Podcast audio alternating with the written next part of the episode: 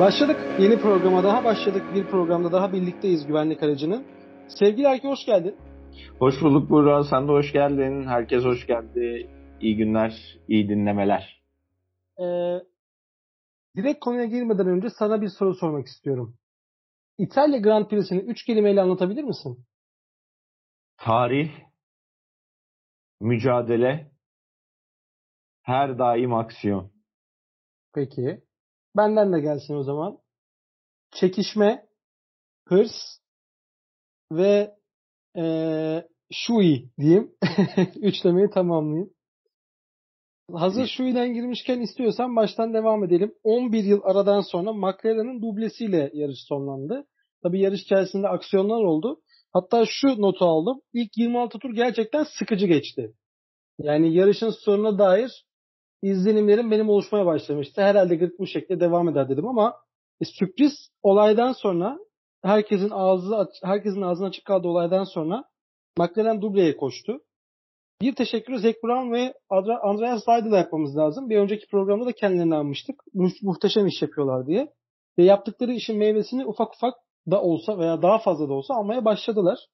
Ya, ee, gelişim göstereceklerdir. O meyvenin sonunda Ricardo'nun ayakkabısından e, şampanya içmekle sonuçlansa da yani bunu istiyorlar mıydı hala emin değilim sevgili Buğra. Bence bunu kimse istemez. Hatta e, yarış sonu e, basın toplantısında medya görüşmesinde diyeyim. Bottas yan yana geldi e, Ricardo ve içip içmediği konuşuldu. Bottas ben içmedim dedi ve çok kaçtım, kaçmaya çalıştım dedi. Nasıl ya gibilerinden bir tepki verdi e, Ricardo da. Galiba bir sonraki Ricardo'nun kazandığı Bottas'ın da podyumda olduğu yarışta Bottas o Shui'nin tadına bakacakmış gibi bir izlenim var. Çünkü Verst, e, Ricardo bunu not eder ve bunu bir şekilde içirir diye tahmin ediyorum. Senden de bir e, McLaren genel yorumu alayım. Ya McLaren bence yarıştaki e, daha doğrusu hafta sonu aldığı e, yer ve konum doğrultusunda muazzam iş çıkarttı. Öncelikle onu söylemek lazım. Hani e, sprint yarışlarından nefret ediyorum. Tekrar söyleyeyim. Gerçekten nefret ediyorum ve gereksiz bulmaya devam ediyorum. Öncelikle bunun altını çizeyim. E, gerçeği yansıtmıyor ama e, onun dışında McLaren'in hem pit stratejisi hem yarış içinde pilotları doğru yönlendirmesi ve bu noktada hatırlıyorsan Lando Norris'in bir telsiz konuşması yayınlandı. Pit duvarına şunu sordu. E, geçiş izin geçiş için iznin var mı? E, Ricardo'yu zorlayayım mı? Minvalinde bir sorusu var. Yani öndeki araç benden daha mı hızlı, daha mı yavaş? Öndeki aracı zorlayabiliyor muyum sorusunu sorduğunda öndeki araç senden daha hızlı zorlama yapma dendi ve Lando Norris buna da uydu. Aslında takım emirlerini doğru konumlandırdığınız zaman ve pilotları e, verdiğiniz kararlara inandırdığınız zaman bu tarz podyumları görebiliyorsunuz ve dün bunu gördük. Yarışta bunu gördük. Yani Zac Brown ve ekibi her iki pilotunu da doğru konumlandırdı. Araçları çok doğru analiz etti ve günün sonunda yaşanan kazan sonrasında da duble yapmayı başardılar. Belki de bu bu İtalya Grand Prix'sini, Monza Grand Prix'sini şuradan okumak lazım. Pit ekibi iyi çalışan, e, takım yarışı kazandı. Pit ekibi doğru çalışan, zaman kaybettirmeyen ve en doğru işleri yapan pit ekibi yarışı kazandı diyebiliriz. Çünkü kazanın da başlangıç sebebi belki de pit ekipleri olabilir. Hamilton Verstappen arasındaki mücadelede pit, pit ekiplerinin temposu, sürati ve yavaşlılığı belirledi oradaki durumu da ki ben hala yani şimdi seninle bir yandan bu kaydı çekerken özellikle ve özellikle tekrar tekrar kaza anına bir daha bakıyorum. Ya yani Hamilton geçiş yeri bırakmıyor falan. Yani çok emin değilim. Çok emin değilim. E, Hamilton Verstappen olaya girmeden biraz da Norris'e değinmek istiyorum. Ee, Norris'in senin bahsettiğin üzere geçeyim mi geçmeyeyim mi nerede kalayım stratejimiz nedir sorusuna sen yerinde kalmaya devam et cevabı alması üzerinde yerinde kalmaya devam etmesi ve bunu zorlamaması yani bu bu e, şekilde pit duvarına ekstra taleplerde bulunmaması ve yerini kabullenmesi karşılığında ben gerçekten komple bir pilot gördüm Norris'te. Gerekirse ikinciliği kazanmaya çalışan, gerekirse takım kazansın diyebilen veya ben kazanacağım, benim kazanmaya ihtiyacım var artık diyebilen bir pilot olduğunu görüyoruz. Kaldı ki Ricardo'nun yarış galibiyeti olmasına rağmen hala daha doğrusu henüz Norris'in bir yarış galibiyeti yok. Ve yarış galibiyetine uzanmak için en büyük seçeneği de bu yarıştı şimdiye kadar. Daha sonrasını bilmiyoruz. Ona ya, rağmen ikinciye, ikinciliği olmayı e, kabul etti ve ikincilikte kalmayı mutluluk olarak saydı. Çünkü takım kazanmış oldu.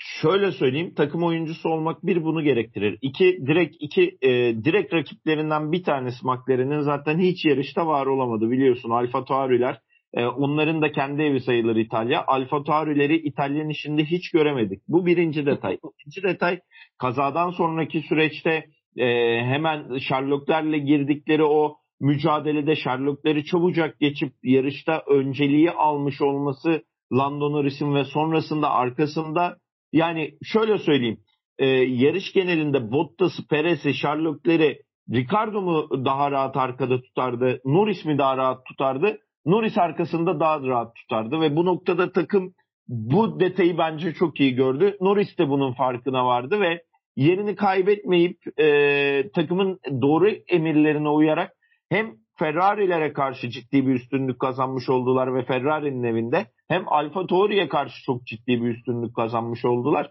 Yani bu stratejiyi, bu analizi çok iyi yaptı. Hani Sebastian Vettel'le ilgili iki haftadır şey konuşuyoruz ya. Çok iyi bir mühendis, çok iyi bir yarış komiseri olabilir. Lando Norris de bu kararı uyarak ve bunu doğru bir şekilde pilotajına yansıtarak belki de ilerleyen dönemlerde nasıl bir takım patronu olacağının da mesajının e, ilk adımlarını bizlere göstermiş oldu. Tabii ki insanlar büyüdükçe, e, performansları arttıkça hırsları da büyür, hedefleri de büyür, egoları da büyür.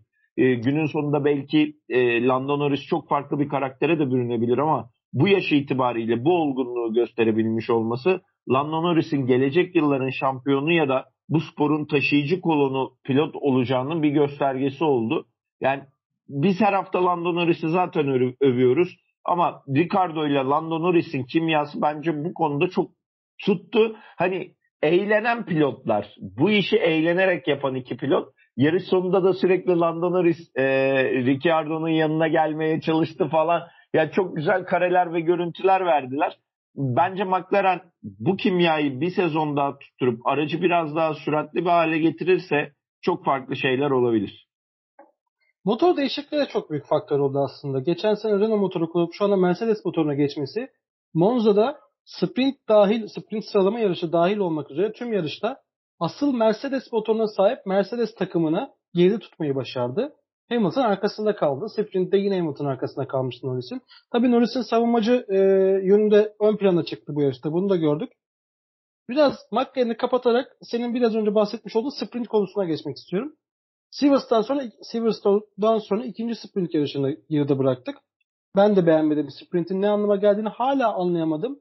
Hala gereksiz geliyor bana ama sprintin kazananı varsa bizim için, izleyenler için kesinlikle Fernando Alonso'dur. Çünkü Silverstone'da da burada da yaptığı çıkışta, yaptığı hamlelerle kendini bir şekilde ifade etmeyi, kendini bir şekilde e, kameralarla göstermeyi başarmış bir profesyonel haline geldi. Ve o kısacık yarışta bile kısacık yarışa bile damga vurmuş bir pilot olduğunu söyleyebilirim. Senin görüşlerin neydi? Sprint ile ilgili demeyeceğim çünkü sen söyledin. Hemen orayı atlıyorum. Ben yarışa girmeden önce bir şeyden daha bahsetmek istiyorum. Geçtiğimiz hafta Alonso'da biz kas kamerasını gördük ve pilotların nasıl bir şekilde e, yarışı gördüğünü, hangi ne kadarlık bir açıyla yarışı gördüğünü, yarışı takip ettiğini görmüş olduk. Bu bu haftada daha uzun Alonso'ya göre nispeten daha uzun bir pilot olan George Russell'ın kaskıyla birlikte biz e, pisti görmüş olduk. Ancak öyle bir yere konumlanmıştı ki kamera e, açıyı çok rahat göremedik ve çok iyi takip edemedik. Ama pilotların virajlarda ve viraj çıkışlarında yapmış olduğu direksiyon ayarlarına çok rahat hakim olduk. Bu çok muhteşem bir olay oldu. Bu konuyla ilgili grafikleri ve FOM ekibini yani e, bize bu yayını sağlayan ekibi ben bir kere tebrik etmek istiyorum. Senden de bir ufak yorum alabilirim bu konuyla ilgili. Ya ben sadece o görüntünün hayranıyım. Öyle söyleyeyim sana öncelikli olarak Buğra. İkinci detayda da şu var. Ee, çok dar bir açıdan aslında yarışı takip ettikleri ve gördüklerini görüyorsun ve çok stres dolu değil mi o görüntü? Ben biraz e, panik hata doğru sürüklendim. Yani bende klostrofobi de yok ama klostrofobik bir ortam da bana yansıttı.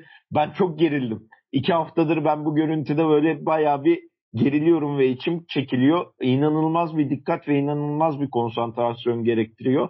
Hani bir kez daha pilotların aslında ne kadar e, dikkatli ve konsantre bir iş yapmaları gerektiğini bize gösteriyor o kamera. Ben çok gerildim. Ya ben inanılmaz gerildim sana öyle söyleyeyim. Kesinlikle. Hemen sırayla sayalım. Bu arada pilotlar orada 300'lere çıkıp 300'lerden neredeyse 150'lere 160'lara hatta Monaco'da pardon özür dilerim e, Monza'nın ilk şıkında 120'lere kadar indiği virajlarda aynı zamanda telsiz konuşması yapıp aynı zamanda direksiyon üzerinden ayar yapıp aynı zamanda sağını solunu kontrol etmesi gerekiyor ki sınırlara, ihlallere dikkat etmesi, sağdan soldan gelecek tehditlere dikkat etmesi gerektiğinden dolayı. Ayrıca 2018'den beri süre gelen bir e, güvenlik tedbiri de var. Bunu şu anda bu programımızda çok çok konuşacağız. E, adını şu anda hatırlayamadığım ve Hamilton'ın hayatını kurtardığını düşündüğümüz Halo. bir sistem. Pardon? Halo. Halo sistemi. 2018'deki o sistemden sonra görüş açısı biraz daha daraldığına dair söylentiler çıkmıştı. Daha Bu söylentileri yapanlardan bir tanesi de Lewis Hamilton'dı.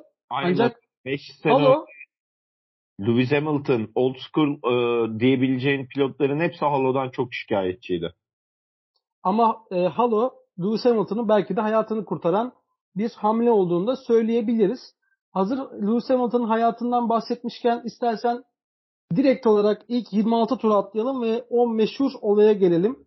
Ee, Silverstone'dan, sonra Monza'da da iki şampiyonluk adayını yan yana ateşli bir şekilde görmüş olduk. Sence e, bu bir Lewis Hamilton hatası mıdır? Verstappen'in hatası mıydı? Yoksa bir yarış hamlesi miydi, yarış kazası mıydı? Ben şöyle söyleyeyim. Bir kere hatalı arıyorsam pit ekiplerinin hatası olarak görüyorum. Peşin peşin öncelikle onu söyleyeyim.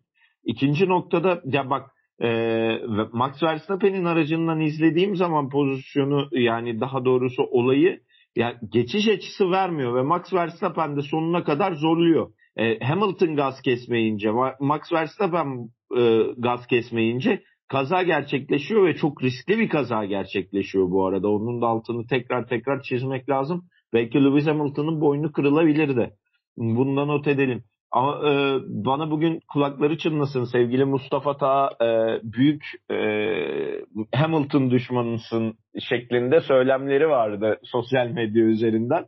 Yani Hamilton düşmanı mıyım? Hamilton'ı sevmiyorum diyelim. Yani açık açık da bunu zaten hiçbir zaman için e, inkar etmedim. Her seferinde de açık açık söyledim. Ya Formula 1'in o e, yarış sonrasındaki açıklanan kararını da okuduktan sonra sadece şu aklıma takıldı. Max Verstappen'in geliş hızı ve sonrasındaki orada yavaşlaması gereken nokta ve yarış çizgilerinde sanırım ihaleyi Max Verstappen'e çıkarmışlar. Ee, dediğim gibi ben orada hiç e, sonuçta araç kullanmadığım için e, bir şey söyleyemem ama hakemlerin yazdığı detaylara bakınca ihale biraz Max Verstappen'in yıkılmış gibi ki Max'in de hatası var gibi okudum ben. E, bugün yayınlanan makale ve e, kararda. Dün daha doğrusu yayınlanan makale ve kararda ama görüntü bana biraz Hamilton'ın da hatası olduğunu söylüyor. Yani geçiş alanı bırakmıyor. Ha geçişin doğru yapıldığı yer mi? Orada hamle yapmak doğru mu? Sol sağ sağ sol. Yani o şikanda onu yapmaya gerek var mı? O da ayrı bir tartışma konusu. Yani ilk virajda zaten ufak bir temas etmişlerdi. Harareti biraz arttırmışlardı. 26. tur o pit çıkışı ve Hamilton'ın pit çıkışı bardağa taşıran son damla, damla oldu diyebiliriz. E, açıkça söylemek gerekirse bana bir yarış hamlesi gibi geldi. Ama yarış sonrası yapılan açıklamaya baktığımız zaman Ferrari'nin Mercedes cephesinin açıklaması bu. Pardon Mercedes cephesinin açıklaması doğru. Red Bull hatasını kabul etti ve hatasına itiraz etmiyor gibilerinden bir açıklaması var. Zaten Red Bull'da e, bir itirazda bulunmadı. Ama bir taraftan da şöyle bir açıklama var. Silverstone'da Hamilton yaptığı hata Verstappen yarış dışı bırakan hatada eğer Hamilton 10 saniye ceza alıyorsa buradaki hata buradaki e, kazadan sonra neden Verstappen bir sonraki yarışta 3 süre grid cezası alıyor gibi bir açıklamaları da oldu. Burada bir tezatlık var. Burada bir eşitlilik yok. Ee, bunu, zaman... söylerken, bunu söylerken de karara itiraz etmeyeceğiz diyor Red Bull cephesi. Anlatabiliyor muyum? Ya benim burada çözümleyemediğim nokta o. O zaman karara itiraz etmiyorsanız burada Max Verstappen hatalı demektir. İşte demek ki hatayı kabul ediyor Red Bull. hatayı kabul ediyor ki çok da fazla zorlamıyor. Ben de onu anlamadım. Yarış çizgisine baktığın zaman e, Hamilton biraz kapatıyormuş gibi gözüküyor. Ama Hamilton kapatırken Verstappen de geriye çekilmiyor. O da bir hani kendini öne atmaya çalışıyor. Hani hatırlıyor musun? Daha önceki yarışlarda bir fren yapsa özellikle Silverstone'da aynısını söylemiştik. E, o freni yapsa Hamilton zaten bu sorunlar karşı sorunla karşı karşıya kalmayacaktık demiştik. Aynısı Monza'da başımıza geldi. Bu sefer Verstappen belki fren yapsa, o şikada beklese Red Bull'un düzlükteki hızıyla belki Mercedes'i geride bırakabilirdi. Bir, bir ihtimal bunu bilmiyoruz. Ama aceleci ve erken davranmayı düşündü. Aceleci ve erken davranmasının sebebi senin iki kez tekrarladığın pit ekibinin hatası.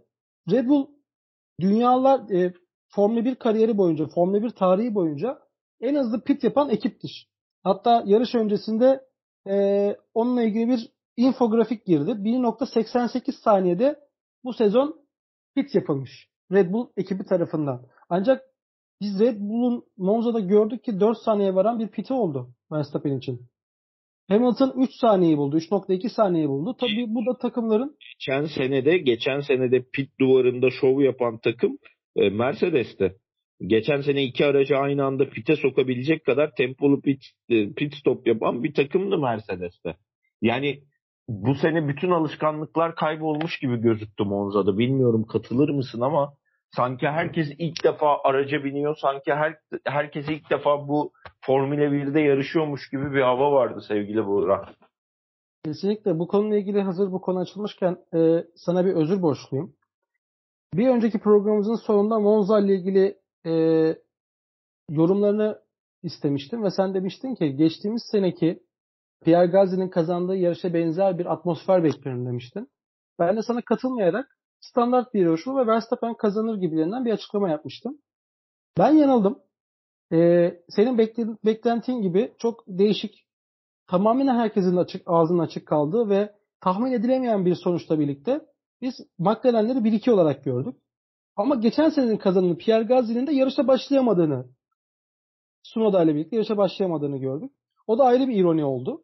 Yani hem yarışı kazanıp hem yarışın sonucunu tatmış bir takım bahsediyoruz. Acayip bir hafta sonu oldu ki ben cuma gününden beri bir de bu bu hafta sonu hakikaten biraz daha rahattı. Ee, sana da söyledim hatta ben bu hafta ilk defa böyle e, cuma gününden itibaren canlı canlı Formula 1'i izleyebileceğim demiştim sana hatırlarsın. Keza izledim. Evet.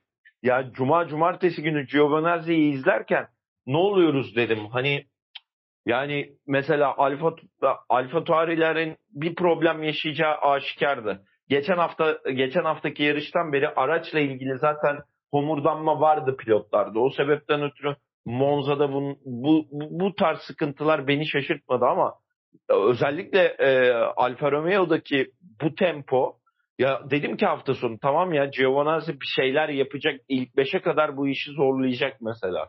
Çünkü hafta sonu öyle bir pilotaj ve öyle bir surat yakalamıştı. Ki hafta sonu ilk ondaki 7. sırayı sürekli tutmaya ve korumaya çalıştı. Hatta kendi söylemi e, tıpkı birkaç gün e, bir önceki yarışta Fernando Alonso'nun dediği cümleyi kurdu. Startta yerimi yükseltebilirim cümlesini Giovinazzi de kurmuştu mesela bu hafta. Ha bunu icraata dökemedi. Bir de üstüne çok sert bir kaza yapıp aracı çok ciddi hasara uğratınca zaten her şey geçmiş oldu ama e, Monza hani az önce programa başlarken bu yarışı nasıl anlatırsın diye sordun ya. Oraya bir güncelleme getireyim. Kaza iyi pilotajım var. Yani kazayla anlatırsın. Monza'yı son iki senedir yaşanan kazalar ve pit duvarında yaşanan dramla anlatıyoruz biz. Monza çok farklı bir yere geldi ve Monza'da iyi stratejin yoksa, e, sabırlı değilsen mutlak surette kaybediyorsun. Yerini kaybediyorsun, podyumu kaybediyorsun, aracını kaybedebiliyorsun. Yani e, her geçen sene Monza'da daha kırıcı, daha sert, e, daha e, yetenek isteyen yarışlar izliyoruz biz son dönemde. Kesinlikle. Giovinazzi'den bahsetmişken Giovinazzi gerçekten çok iyi bir start aldı. 7. sırada başlamıştı zaten.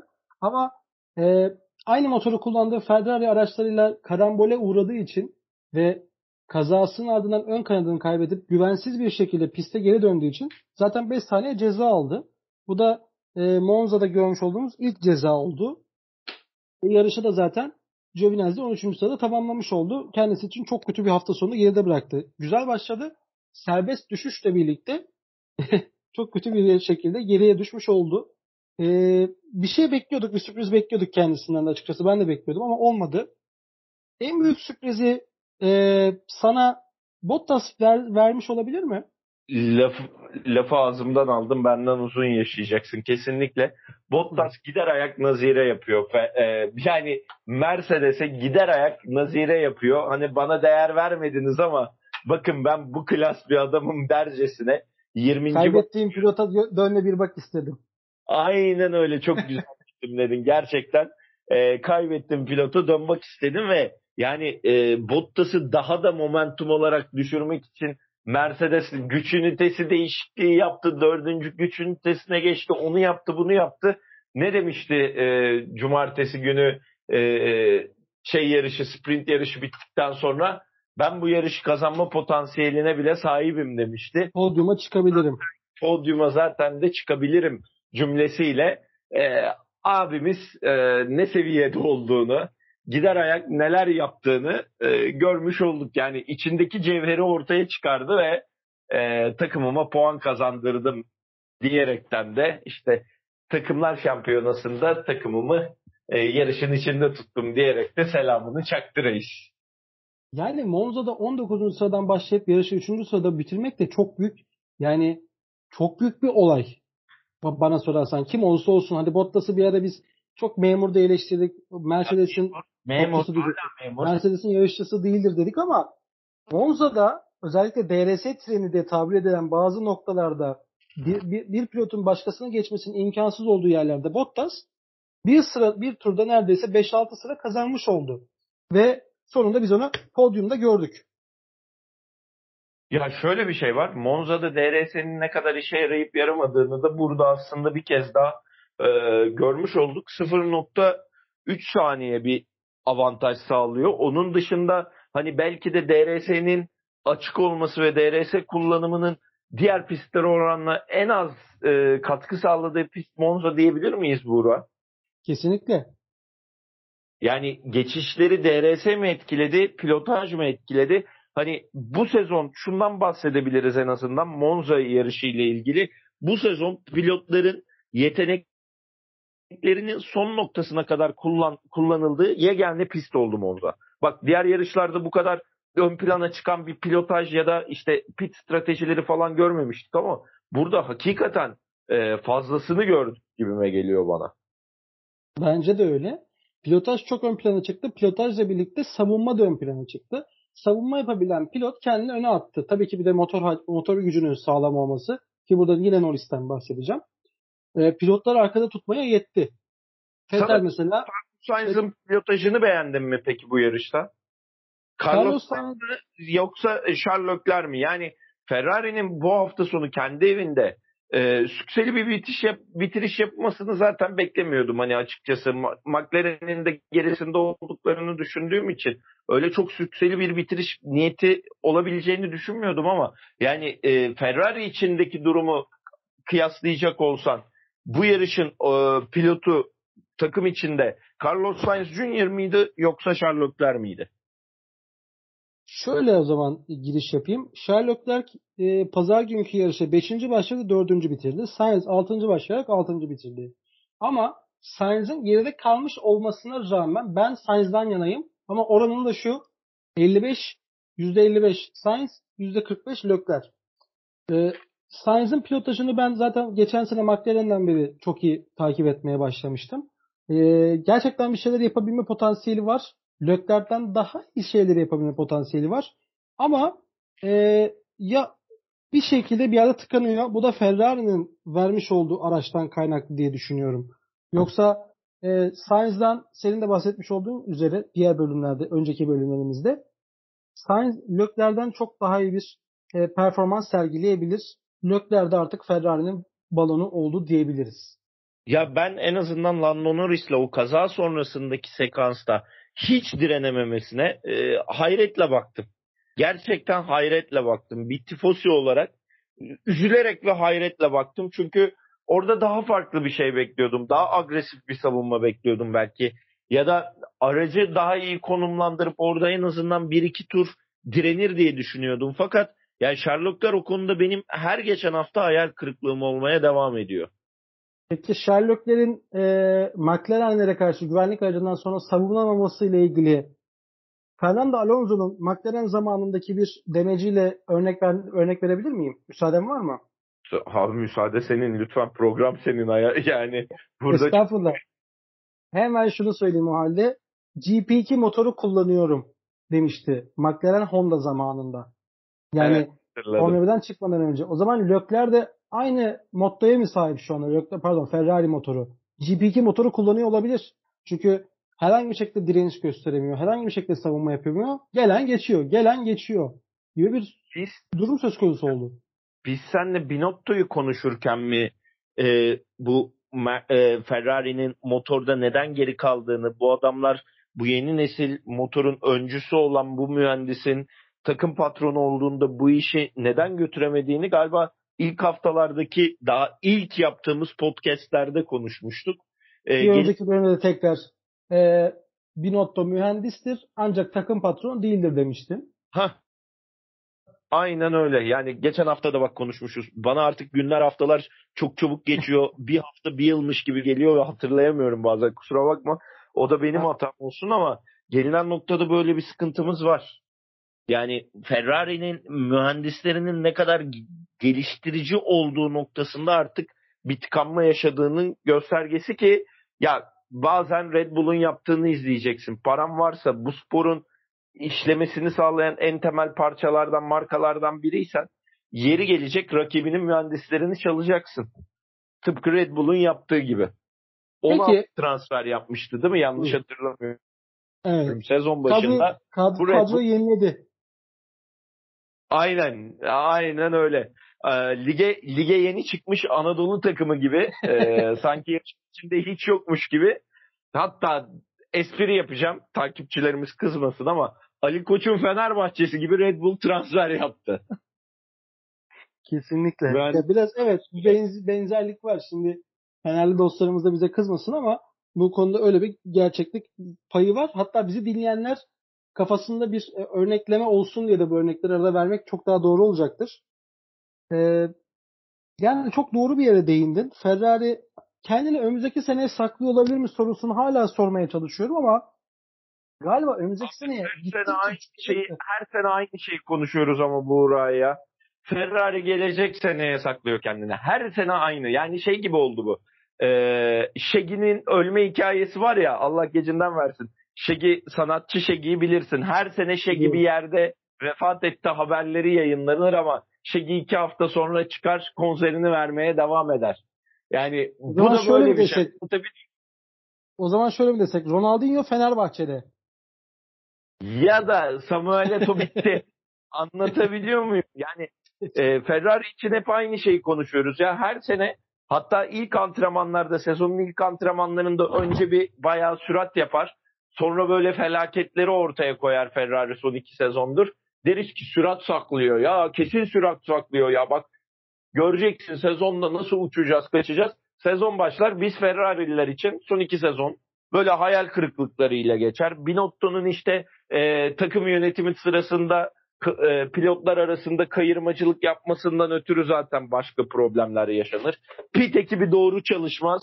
E, pilotunu baltalar falan. Yani saçma sapan şeylerle uğraşır durur e, ondan sonrasında Ferrari. Her sene aynı senaryo. Yani bu sene değişen tek bir şey var. Hakikaten Formula 1'de e, takımlar sıralamasında üçüncü takım olarak e, kendine yer bulmak için e, canla başla çalışıyor ve Ferrari'yi burada görmek bizleri üzüyor. O da ayrı bir konu ama geçen seneye oranla en azından hedefleri var. Bugün bir grafik gördüm sosyal medyada. Ferrari'nin en son şampiyonluğa yaklaştığı sene olan 2018'de Vettel'in Ferrari'de olduğu sene ve ilk 14 yarış sonrasında aradaki puan farkı 80. Yani şampiyonluğa en yakın olduğu yıl bile o zamanmış. Ondan sonra zaten Ferrari'nin şampiyonlukta esamesi okunuyor. Ama önümüzdeki yıl dememin sebeplerinden bir tanesi tamamıyla değişecek araç yapıları, tamamıyla değişecek motor yapıları ve bir e, aksamdan bahsettiğim için ben bunu söyledim. E, bir ihtimal diyorum. Çünkü her takım değişmeye gebe bir e, sürece girecek. Her takım kendini değiştirecek. Kime yarayacak? O ayrı mesele. Bu değişimi, gelişimi, kırmızıları, tifozileri bir kenara bırakırsak e, Boğaların Red Bull'un diğer pilotu Sergio Perez'in e, yarışı sence nasıldı? Şöyle söyleyeyim bence takımın beklentisinin gerisinde kaldı. Kendi beklentisinin de gerisinde kaldı. Yani e, iki araç arasında hem aerodinamik olarak hem de motor performansı olarak bence sıkıntı var. Yani Sergio Perez'in pilotajında problem olabilir ki e, bu sezon Sergio Perez'i de mesela çok tartıştığımız noktalar oldu. Özellikle Charles Leclerc'le ve Lando Norris'le girdiği bazı mücadelelerde temastan kaçınmadığı anlar sonrasında e, Sergio Perez'in agresifliğinden dolayı eleştirilerimiz oldu ama iki araç arasında bence aerodinamik ve me- mekanik farklar olduğu için biz Sergio Perez'in yeteneklerini göremiyormuşuz gibi hissediyorum ve takım ondan bu araçla daha fazla şey bekliyormuş gibi. Evet ikinci pilotunuzu e, zaman zaman göz ardı edebilirsiniz ya da onu ikinci planda tutabilirsiniz ama Sergio Perez sanki biraz fazla ikinci plana atılmış gibiydi son birkaç yarıştır. Yani ben aracının Max Verstappen'le aynı performansı verebilecek seviyede olduğunu düşünmüyorum ki zaten bu sene içerisinde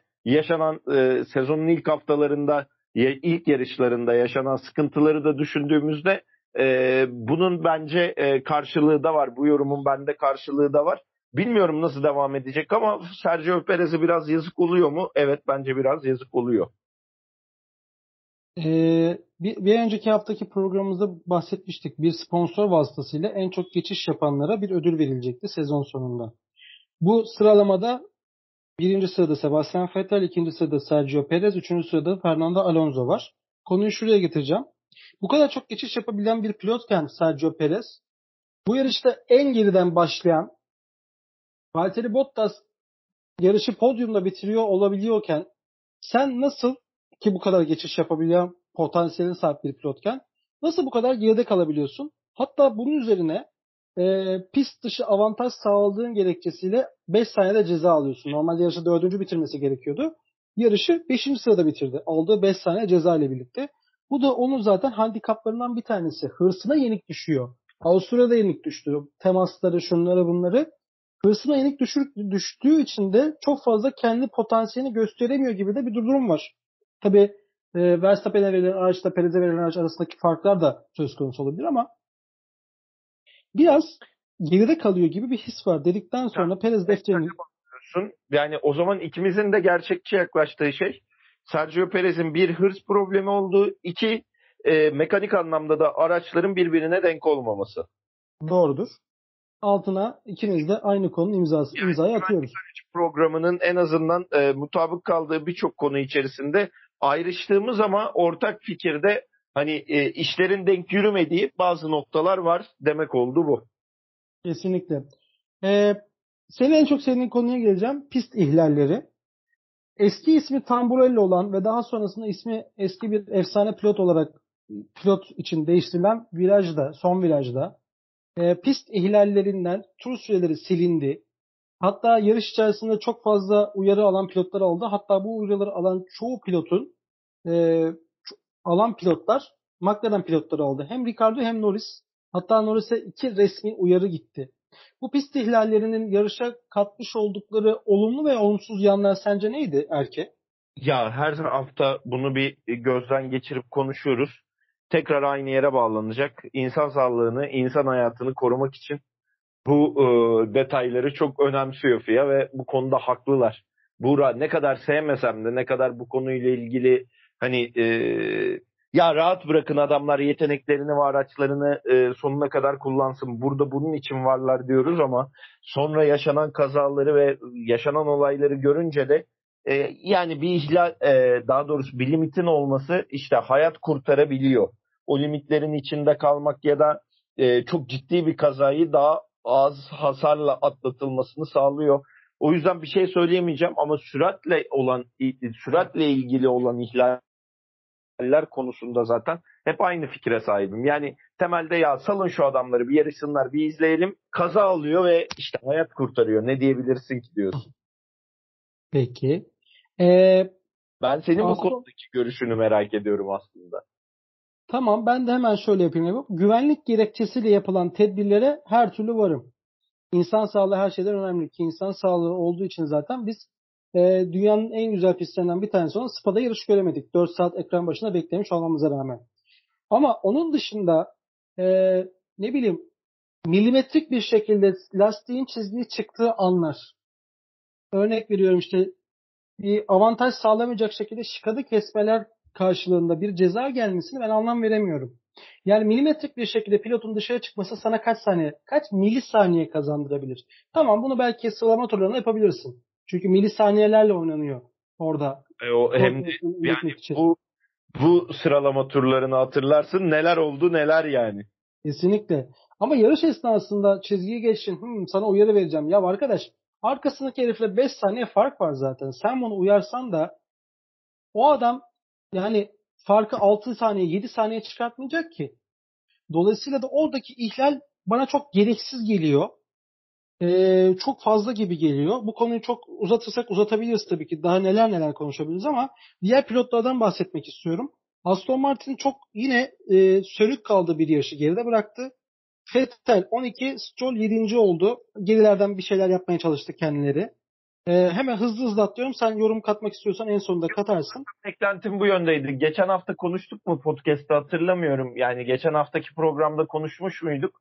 Beklentim yoktu bu yarışta zaten Aston Martin'de. Beklentimin tam yani beklemediğim şeyleri tam olarak verdiler. Peki. Alpine pilotları Alonso'dan bahsetmiştik. 8. bitirdi. Ocon 10. bitirdi. İki pilotla birlikte puan almış oldu Alpine takımı. Russell puan e, devamlılığını sağladı diyeyim. Spa'dan sonra Spa, e, Hollanda ve burada üçüncü kez üst üste puan almış oldu. Dokuzuncu sırada yarışı bitirdi. Hatta bir ara yarış, yarış esnasında Latifi hatta çok özür dilerim yarışın başında Latifi Russell'ın önünde başladı. Latifi de yarışı 11. tamamladı.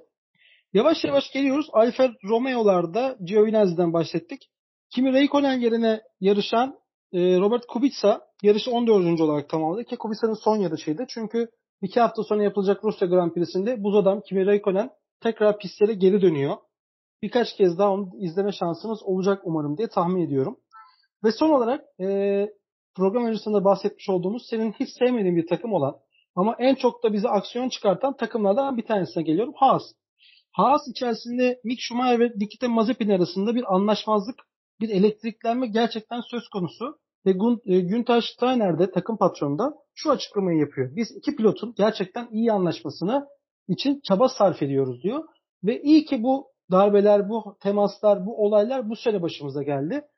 Önümüzdeki sene zaten biz toparlayacağız. Ya yani toparlama yolunda gidiyoruz. Bu sene olması ikimiz için iki takım yani takım pilotlarımız açısından iyi oldu derken Mazepin de takım arkadaşa yaptığı temastan sonra kazaya sebebiyet verdiği için 5 sene ceza almış oldu. Haaslar bu şekilde senden de bir en çok sevdiğin takım olan Haas'ın yorumunu alayım. Yani sen başlasaydın keşke. ya Steiner'in çekilecek çilesi var. Yani son 3 sezondur adamcağız istikrarlı yarış tamamlayabilen. Ee, ya araç yapamıyor ya doğru pilot bulamıyor.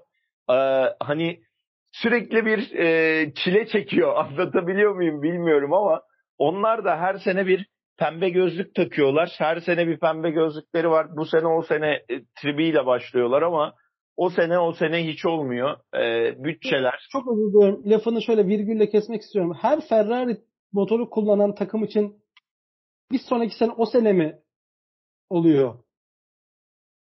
Bunu Ferrari takımı da söylemişti. Haas da aynısını söylüyor o zaman. Kesinlikle. E, kesinlikle. E, Alfa Tauri'de e, özür diliyorum Alfa Tauri dedim. Alfa Romeo'da şey söylemedim ben mi yanlış hatırlıyorum sevgili Buğra? E, cümleyi şimdi tam toparlayamadım. Bottas'ı açıkladıktan sonra gelecek yıl çok daha iyi işler yapacağız. İnşallah canım büyük. ya. Canım inşallah canım. Yani e, Ferrari motoru kullanan herkesin hayattan bir beklentisi var ama günün sonunda tabelaya yansıyan olumlu bir şey yok. Yani ben hemen Haas'la ilgili şu yorumu yapayım. Nikita Mazepin başarılı bir pilottu. Arka, e, diğer e, seviyelerde, bir alt seviyede Formula 2'de, Formula 3'te hem o başarısıyla hem de arkasındaki çok büyük bir para kaynağıyla birlikte Haas'a adım attı ki Haas'ın renklerinden de görüyoruz. Amerikan takımı olan Haas'ta Rusya bayrağını görmek mümkün. Bir diğer taraftan da e, dünya şampiyonlarından ve şu an hala komada olduğunu bildiğimiz hatta durum son durumdan haberdar olmadığımız Mick Schumacher, Michael Schumacher'ın oğlu Mick Schumacher var. İki deliği yan yana getirmişler gibi bir şey var. Ama sonucundan ne çıkacak çok merak ediyorum. Mazepin ben daha iyiyim gibi bir e, düşünceye kapılmaya başladı. Ya da kamuoyunun Mick üzerine gitmesinden dolayı kendini çok baskı altında hissediyor da olabilir. Orada bir psikolojik sorun da söz konusu olabilir. E, iki takım bize çok olaylar gösterecek, olaylar çıkartacakmış gibi hissediyorum yarış sonuna kadar, daha doğrusu sezon sonuna kadar. Bu arada hemen bundan bahsetmişken şunu da bahsedeyim. Ee, birkaç gün içerisinde Netflix platformunda Michael Schumacher'in bir belgeseli yayınlanacak. Bu belgeselde hem oğlu hem eşi hem kızı ve Sebastian Vettel'in yorumları da yer alacak. Ben merakla bekliyorum açıkçası. Senin de bir yorumun varsa Haas'tan sonra oraya da geçebiliriz. Sonra Rusya'ya geçelim. yaptın. Ee, yani bir tarafta basının çok desteklediği, diğer tarafta da basının desteğini tam anlamıyla göremeyip baba parasıyla buraya gelmiş e, bir pilotun e, yok sayılması gibi bir durum söz konusu. Daha orası çok su kaldırır. Peki. O zaman iki hafta sonra Rusya'da olacağız. Ha, bu arada Rusya'ya giderken Verstappen'in bir 3 sıra grid cezası olacak. Sence Red Bull ekibi, e, Red Bull kadrosu, Red Bull'un beyin takımı diyeyim. Nasıl olsa 3 sıra grid cezamız var. Biz burada motor değişikliğine gidelim mi der mi? Çünkü artık... Lafı ağzımdan e, bir... aldın. Lafı ağzımdan aldın. Ya ben bir motor değişikliği bekliyorum. Nasıl olsa ceza aldık. Yapalım bu işi burada yapalım diyebilirler. Peki o zaman şunu sorayım. Verstappen bu hamleyi yaptı. Hamilton yapmadı diyelim. Çünkü Hamilton için çok büyük avantaj sağlamış olacak. Hamilton da yarışı kazandı. Ondan Rusya'dan iki hafta sonraki yarış yüksek ihtimalle Türkiye yapılacak. Henüz daha bir e, olumsuz haberle karşı karşıya kalmadık. Olası Türkiye Grand Prix'sinde İstanbul Park'ta Hamilton bu hamleyi yapar mı? Motor değişikliği hamlesini. Bence e, Mer Yoksa şöyle bekler mi? Mercedes e, motor güncellemesini şöyle yapabilir. E, resti görebilir. Yani bu hafta Bottas'ın göstermiş olduğu performansla birlikte eğer Red Bull bu hamleyi yaparsa hemen arkasından Mercedes'ten de bunu görebilir.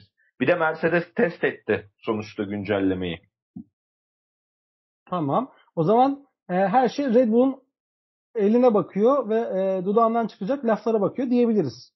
Olarak yani öyle. Yani son söz sahibi ilk e, şey değil, Mercedes değil, son sözün sahibi ya da e, oyunun nasıl oynanacağına karar verecek tarafta şu an itibariyle Red Bull var.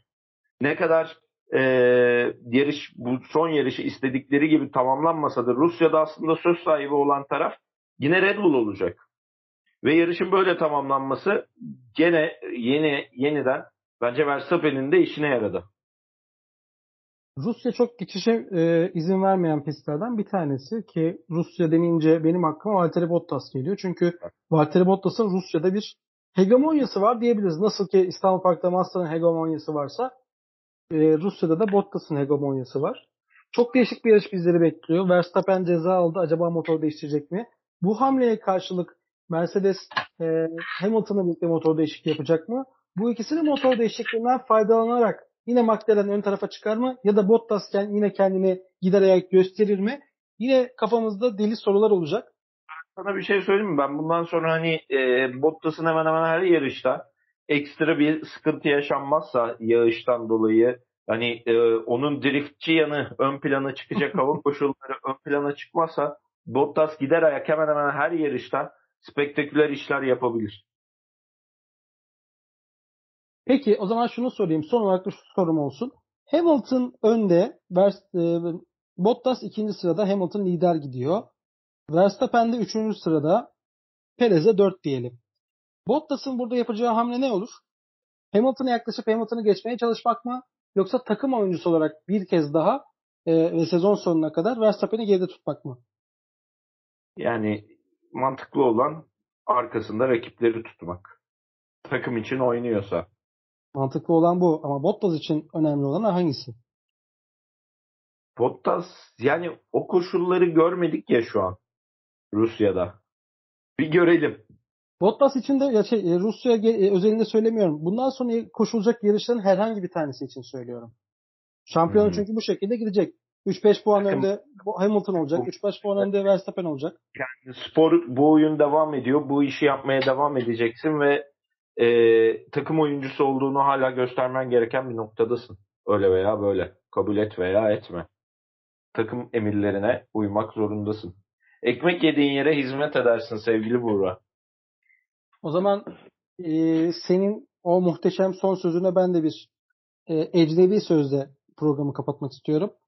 Herkes için show must go on diyoruz ve Bottas için de galiba bu show devam edecek. E, Mercedes'teki şovuna sonuna kadar sürdürmeli. Dedikten sonra Monza'nın ardından yayınladığımız Güvenlik Aracı programımızın da bir kez daha sonuna geldik. İki hafta sonra Rusya'nın ardından tekrar sizlerle birlikte olmak istiyoruz. Hepiniz sağlıklı kalın. Herkese da çok teşekkür ediyorum. Ben teşekkür ederim Buğra. Ben de sana teşekkür ederim. Herkes kendine umarım iyi bakar. Herkese sağlıklı günler dileriz. Lütfen herkes kendine çok dikkat etsin. Ee, bir süreçten geçiyoruz. Bu süreci atlatmak hepimizin elinde. Çok dikkat edersek, hepimiz dikkatli olursak bu süreci çok daha sağlıklı bir şekilde, çok daha güvenli bir şekilde atlatacağımıza hiç şüphemiz olmadığını da ortak bir fikirde belirtmek istiyorum. Kendinize çok çok iyi bakın. Hoşçakalın.